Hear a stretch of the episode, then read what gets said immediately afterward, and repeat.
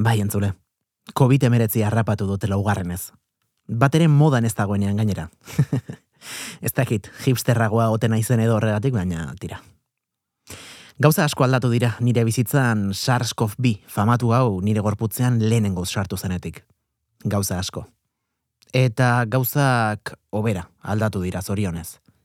Orain ez naiz arriskuko pertsona. Nire sistema immunologikoa pres da, gaitzoni eta beste askori aurre egiteko. Hala eta guztiz ere, naiz eta dena hainbeste aldatu den, gauza berbera atera dut argitan gaixoaldi honetan ere. Zein garrantzitsua den kultura. Zein garrantzitsua den sorkuntza. Ibuprofenoa baino eraginkorragoa, ordu luzez oean goxotasunez igarotzeko. Batak gorputza zaintzen duen bitartean, besteak burua lastantzen duelako. Eta burua lastantzean, gorputza ere besarkatzen dugulako. Ispilu beltza, asier errastirekin.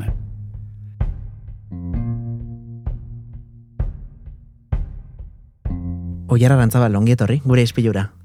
Ongi etorri zuri, asier, e, falta mota zaitugu. Eskarrik asko, eh? E, errelebo lanetan aritzeagatik. Bueno, ni hemen relebista nago denbora guztian. Minuturo.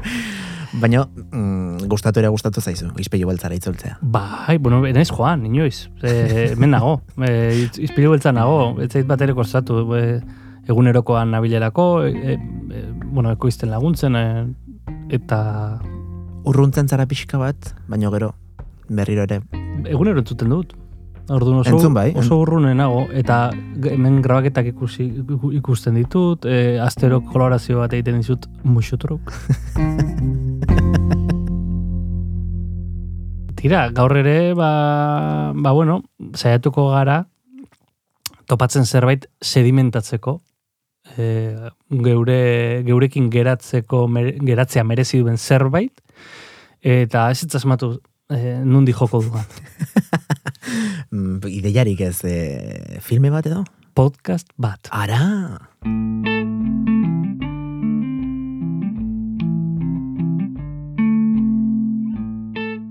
Badakizu hasier zer den kalderoi bat? Kalderoi bat, e, ez alda Atletico de Madriden. E, Ez, ez, hori da Vicente Calderón. Ez da zer ikusi.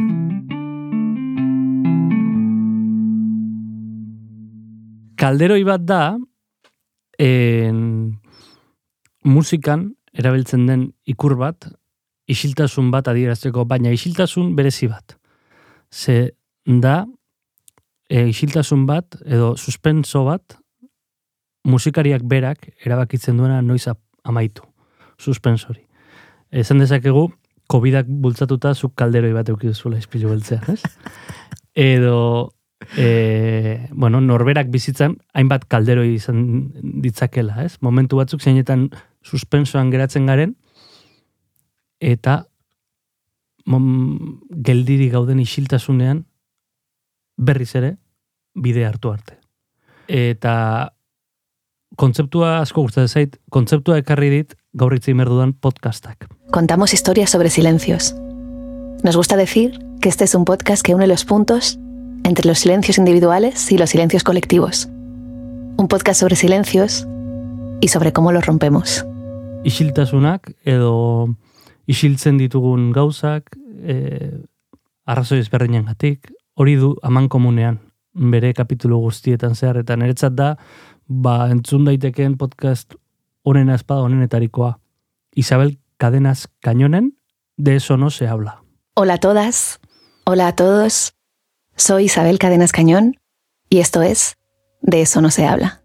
Esan bezala, kapitulo bakoitzean gai ezberdin bat jorratzen du, kapitulo bakoitzea esan dezagun dokumentaltxo bat dela, eta e, kapitulo bakoitzean mm, hitz egiten du mm, persona batetik abiatuta isildutako gai baten inguruan. Edo isildutako asunto baten inguruan, nahi baldin bada. Danetik dago, memoria asko dago, memoria historiko asko dago, badago feminismoa, badaude amaika e, gai, baina oso modu sensiblean landuta. Eta e, soinu diseinu atletiko oso fina, e, bueno, marabila bat iruditzen zait, eta albiste ikaragarri ona berriz itzuli dela. Gainera, kanpaina bat jarri du martxan, esan genuen, uste dut, e, bere momentuan, e, kanpaina bat jarri duela martxan, mm, olako crowdfunding bat edo, e, ba, finantzazioa lortzeko nik jarri dut nere alea, eta hemen gonbidatzen diot entzuleari, entzuteko lehenengo, eta gustatzen balin bazaio, ba, bere aletxoa jartzea, ez da? Aipatu duzu aiar, dokumental modukoak direla, Bai. baino ez dira berezik luzeak, jendea ez da dine Ba, ez. ba, izutu. Ez, Ordu erdi eh, eta berrogei minutu arteko hori da. mm, atalak dira. Bai, danetari dago. Danetari dago, bai. E, adibidez, bueno, orain itzuli dira e, itzuli da podcasta Calderon izena duen prologo batekin amaika minutukoa da. E, baina bai, kapitulo bakoitza mundua da. Badago kapitulo bat oso kuriosoa, adibidez, eh? adibidez jartzearen, eta ez dauka zerikusik beste kapituloekin, jadila izena duena, eta bertan jadila izeneko neska bati ematen diote grabagailu bat, Saharatik bere bizitza kontatu dezan. Estoy en eh, el monte y os cuento qué es lo que veo. Pues El silencio tiene muchas formas y muchas maneras de manifestarse. Está el silencio de después de recibir una mala noticia, el silencio de la vergüenza. El silencio de radio o el silencio como verbo, silenciar. Eso que sucede cuando alguien habla, pero aún así no lo oímos. Hoy queremos hablar de voces que no se oyen. En realidad, más que hablar de ellas, queremos que sean ellas las que hablen. Por eso este episodio es diferente al resto de nuestros episodios. Empezó con un envío. Le mandamos una grabadora a la mujer que estáis escuchando. Es una mujer que vive en un lugar que está lejos, pero también muy cerca. Eta Euskal Herriari buruzko atalen bat ere badauka ez da oiar. Ba, bai, e, Isabel Kana eskainon bera basauritarra da, e, euskalduna da, eta kapitulu batean, e, una plaka en mi pueblo izena duen kapituluan, hitz egiten du, basauriko amaika emakumen inguruan. Las Mhm. 11 de basauri. Ah, begira. Ez dakit ezaguna zaizu. Ez, tegia esan ez. E, egia esan, e, ez da oso ezaguna gaia, berak bai atera duela kapitulu honetan, eta gaina saritua izan da, esan bezala, e, atala hau ez, en, bueno, ba, atera duelako gai bat, bere garaian bogan egontzena, ze e, amaika emakume hauek e, jarzarriak izan ziren abortoa, abortatzeagatik, edo abo- abortoa e, egina izateagatik, Mhm. eta eta tira e, mugarri bat izan ziren aborto eskubidearen e, inguruko borroka feministan, ezta? Mhm. Eta egia da, ba, paradogikoki ez, e, mm, galtzaileen historioak galdu egiten direla, ez? Eta hau da, gure memorian isildu den gaietako bat, gai bat gehiago esango dugu. Eta hau bezala, ba, ba beste hainbat e, kapitulu oso eder daude. Oso ederrak, en, gainera oso ondo mm, enmarkatzen ditu Isabelek, eh, esan nahi dut, izen burutik hasi eta ez dudana kontatzen, eh, amuak jartzen dizkizu, irensten zoaz amu horiek, ez, eta pixkanaka, ba, ba bueno, podcast guztia, guztia entzun duzu. A veces quienes trabajamos con sonido podemos ser muy pesadas. Te pedimos que apagues el móvil, Eh, las manos muévalas toda la quiera, pero el pie no me lo... podemos hasta desenchufarte la O nevera. muévalo, pero sin levantarlo del suelo. Y cuando todo el mundo se ha ido, nos quedamos ahí, quietas, calladas, grabando el silencio de la habitación.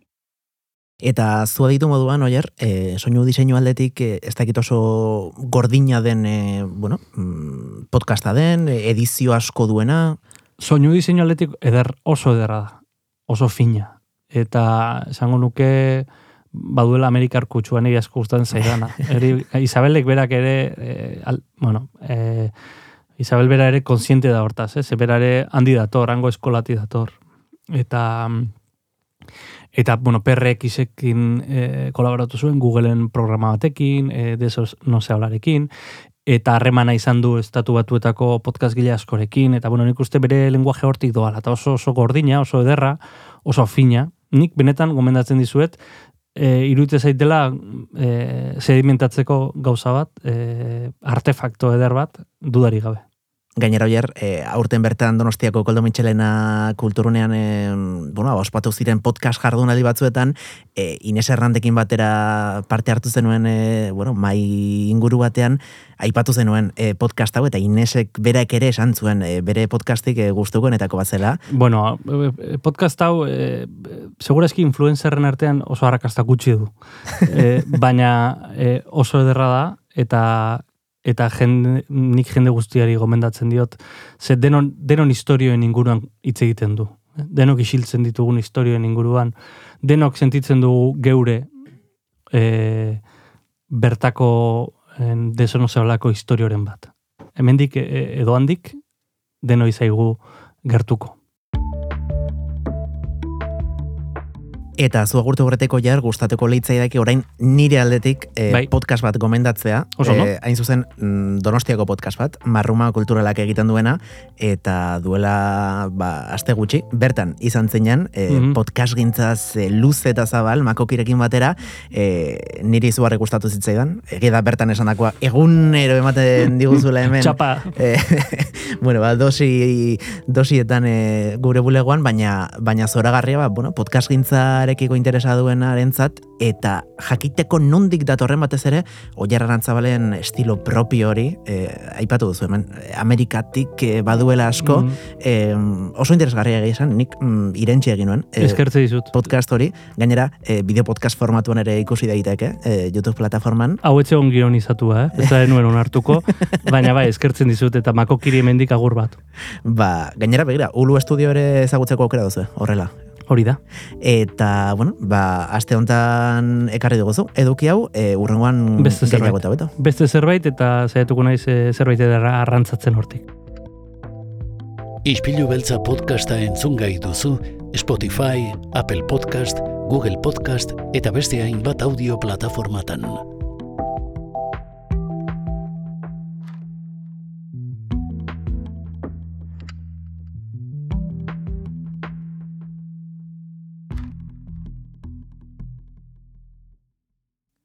Normalean, ostiraletan gerturatzen dira guregana Donostiako liburutegisareko liburuzainak gurera, bakoitzak besapean, bueno, ba, bere literatur proposamenarekin.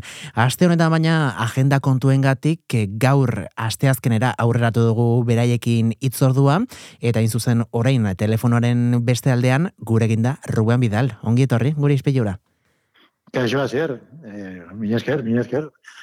Bueno, Ruben, e, aipatzea, oraindik e, norbait bada, aurten e, lehenengo aldiz ispilu beltza entzuten hasi dena, e, zuk, e, bueno, ba, liburu genero oso berezi bat eikarreko diguzula, ez da, ostiraletan. Bai, bai, eh, bueno, ba, komikia, hain zuzen ere. Marisa Hurtadok aipatzen du berak e, normalean, bueno, ba, saiakerak eta ekartzen ditu eta liburutegietako pasillo horiek balda horietan ba, jende gutxi ibiltzen dela, bueno, ba, liburu edo genero hori arakatzen.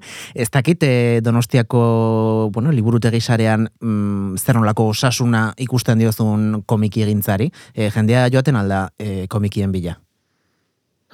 Ba, bai, bai, bai, jendeak mailegatzen ditu eta eramaten ditu, bai, nik uste komikia geroz eta gehiago eh, irakurtzen dela eta geroz eta gehiago mailegatzen da. Bai, bai, esan- bai, ez nuke. Izan ere, gaur, eh, gaur komendatu behar dizuetan komikia, mailegatuta dago. Orduan, nire aurrean ez daukat. Buruz egin da bet. Bueno, beraz, seinale ona, ez? E, bati baino Bai. gehiagori gustatu zaion seinale, e, hau komunikazio horrek ere asko egiten duelako, ez da? E, Bai. kasu honetan literaturan.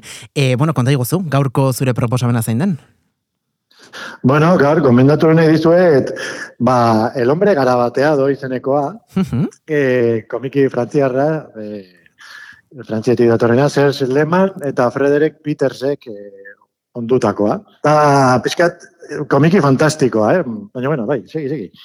Ez, ez, ez, konta iguzu, galdetu behar nizunea, bueno, ba, azal interesgarri hau zabaltzen dugunean zer aurkituko dugun horri horietan.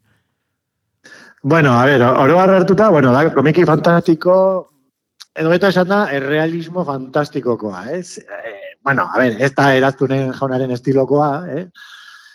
Baina bai pixka bat gogoratu ditela, agian referente bezala, ba, El Día de la Bestia filma, es Alex de la Iglesiarena. Mhm. Hola, bueno, hola pixkate, eh, pintzakin hartuta, baina, bueno, giro, giro horta- hortakoa. Aurreko batean, gomendatu nizuen egile hauen beste komiki bat, eh, Santelme, eh, hau komiki kezkagarri, inquietante, ez, eh, siniestroa zen, eta oraingo hau ere, bueno, hildo hortatik doa, baina pixka desberdina da.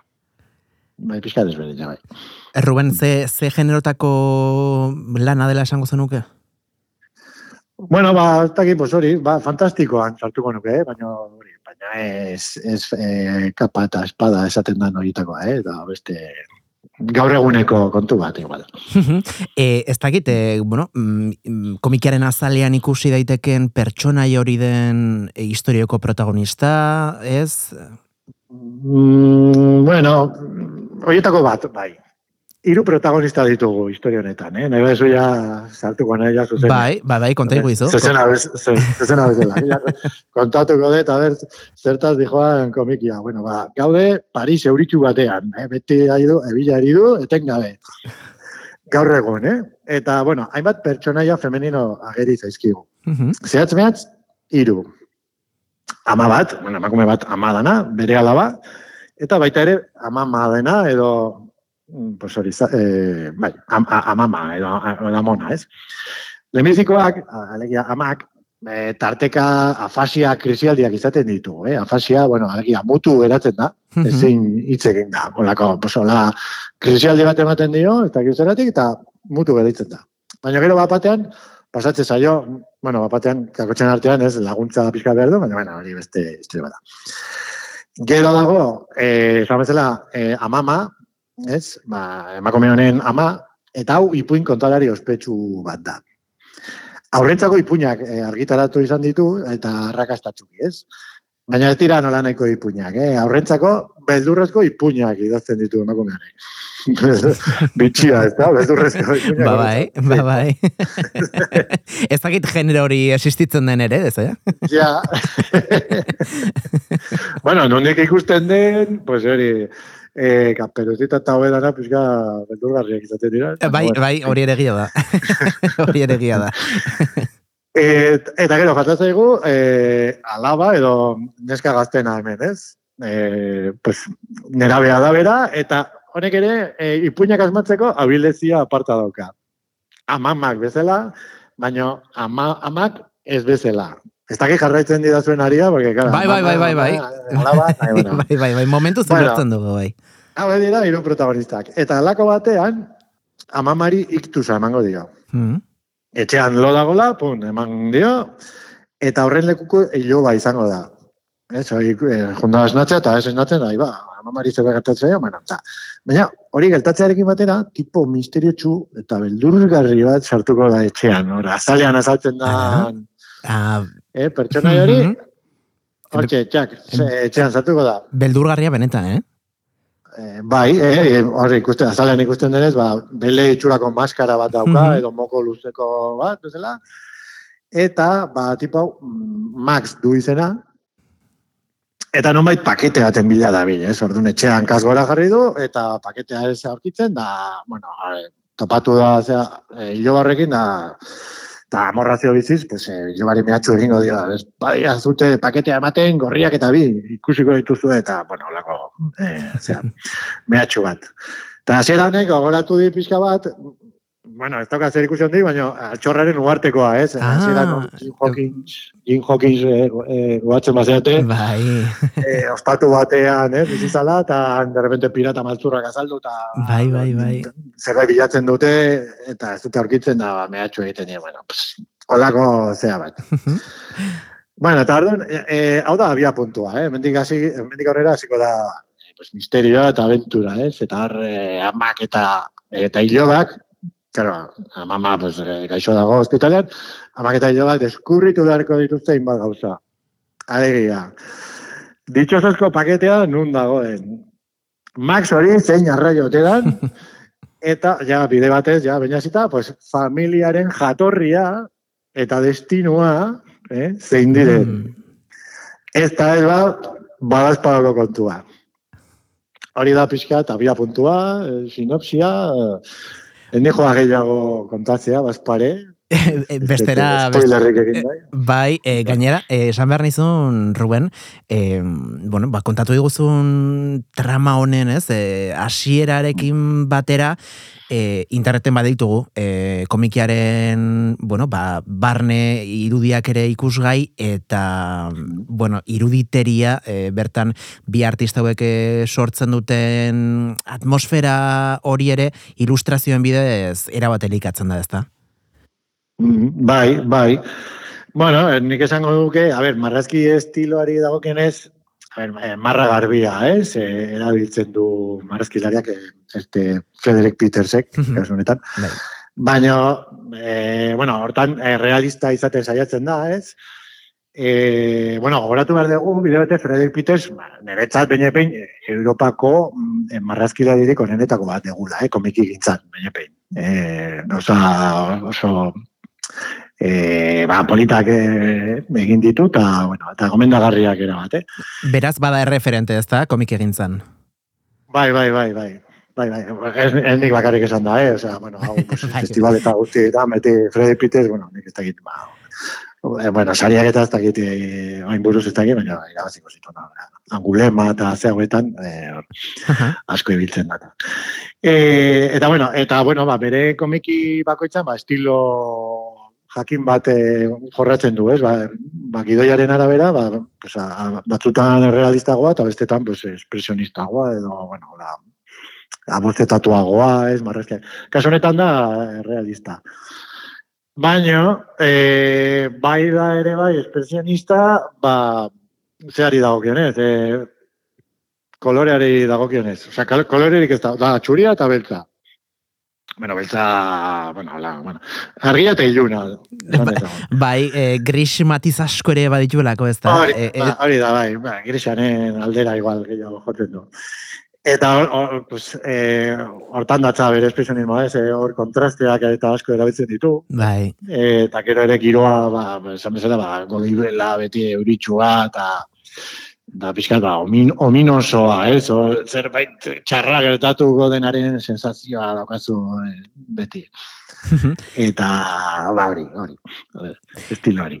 Ruben, ez dakit, e, mm, ze pertsona klaseri gomendatuko zenioken, e, bueno, ba, ba komiki hau, ze imaginatzen dute txeko txikienentzat ez dela izango bereziki, ez da? Ez, txikillen entzat ez. A ber, nik esango nuke, eh, irakurle helduaren entzat dala gokia. Baino, baino, eh, nuke baztertuko irakurle gazteak. Ze, eh, lehen aipatuek, eh, giro fantastikoa eta daukala, gero ere thrillerretik ere ikutu bat dauka, eta, eh, bueno, eh, fantasia eta hori eh, gaztei ere asko gustatzen zaio, eta nik uste ere eh, gustatuko litzaiekela. Ez da ba, bereziki basatia, ez, osea, ez da odola, hola, eh, ikuste, ez da bereziki krudela, eta, bueno, ba, eh, gaina oso engantxagarria da, ez? Nik uste gaztentzat ere bai, e, ba, bai, ge- gero, gero dauka hor trasfondo bat edo e, erabiltzen ditu Europa erdialdeko ba, ipuin zarrak, ondairak, ez, hola, ba, adibidez, e, nik uste torra atzean badago golem edo izeneko ba, personai mitologiko bat. E, Orduan, bueno, ba, ipuinaren kutsuko ez, zenbait nabar dutela ba, e, xetasun baditu, eta orduan, ba, mm, hor dago, ez, bi munduen artean bezala, ez, e, heldu, mm, ez dakit, hor, gazte, bueno, hortxe, hortxe, bai. Hor, Baina, gustagarria, bai. Eta ez dakit, e, bueno, komiki gintzan ja zaletua izan behartzaren, agian e, ondo egokitzeko historio ontara, e, hau hobeto kontsumitzeko, e, besteak beste, irureun eta hogeita zortzi horri alde bituarako, ez da liburu fina, eh? Bai, bai, ez da, bat ere motza, ez, ez, ez da, formatua ez da, pues, asterizen, ez, album Bai. horietako, ba, motzagoa direnak, eta bar, ez, ba, dana. Baina, bueno, historia ondo garatzeko egia esan, ondo dator, eta esate zute, hasiera hasieratik oso, pues, engantxagarria da, ez, de, Azte zeian, pues, aipatutako Max edo misterio horrekin da, ze, arraiote da, eta azte da harilkatzen hori, eta gero, hori, familiarteko Bueno, niko gehiago esatea, pare, igual... e, gainera, bueno, ipatu barra dugu Astiberri edizioen e, bidez, e, bueno, ba, eskura genezakela, e, hori baita, bueno, gaztelaniaz, e, bueno, mm, it, gaztelaniara itzuli duena eta eta gaztelaniaz e, saltzen duen editoriala. E, gainera, ipatu duzu Ruben, e, Donostiako liburutegi sarean ere badagoela eskuragarri, ez da? Bai, bai, jakina, bai, bai, bai. Hemen, eh, pues, gomendatzen dugun guztia, liburut egiten daukagu. Ba, Ruen Bidal, eskerrik asko, gaurkoan ere gure gana urbiltzegatik, e, aurtengoan ere izugarri ikasiko dugu zurekin e, komikien inguruan, eta gaurkoan, hause, el hombre garabateado, e, bueno, autoreak zuk esan, e, hueto. Bai, Serge Lehmann eta Frederick Peters. Ba, Eminentziak komikien munduan. ba, hortxe gure gaurko gomendioa, eskerrik asko Ruben, e, bueno, ba, gurera gerturatzeagatik, eta eta laister, izango zaitugu bueltan. Ba, plazera izan da. Horren arte ba.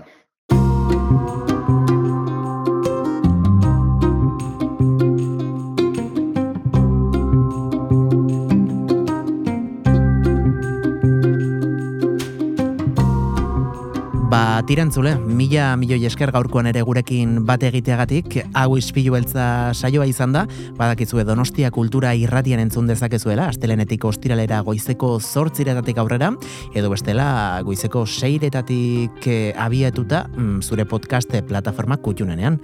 Gu jarritzuleko gara, ordura arte, mm, ba, badakizue, txintxoak izan, agur! Nahi beste libururen atzean eskuta zaitez Baina inbeste hitzekin jastakizun horrezaren Etorrita esango dizut nola itzultzen den. Hizkuntza bakar batean ea ondu lertzen den Elburua garbi gorrotatzea alden Dakidanetan esango dizut nola ez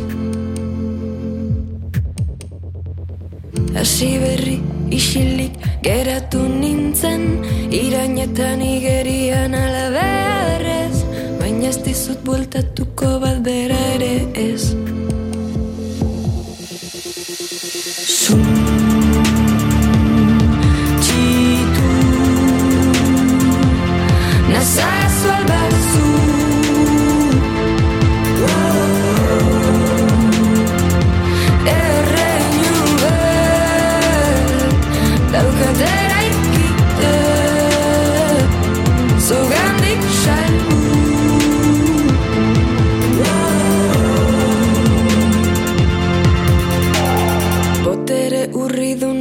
edo zein botere goxe Bi esku izan ta biak olioz bete Maitatzea beste zerbait da bide batez. Urteak pasa ditut zuri begira Eragin zenidan krisiaren arira Nera besortzaile baten lehen deserria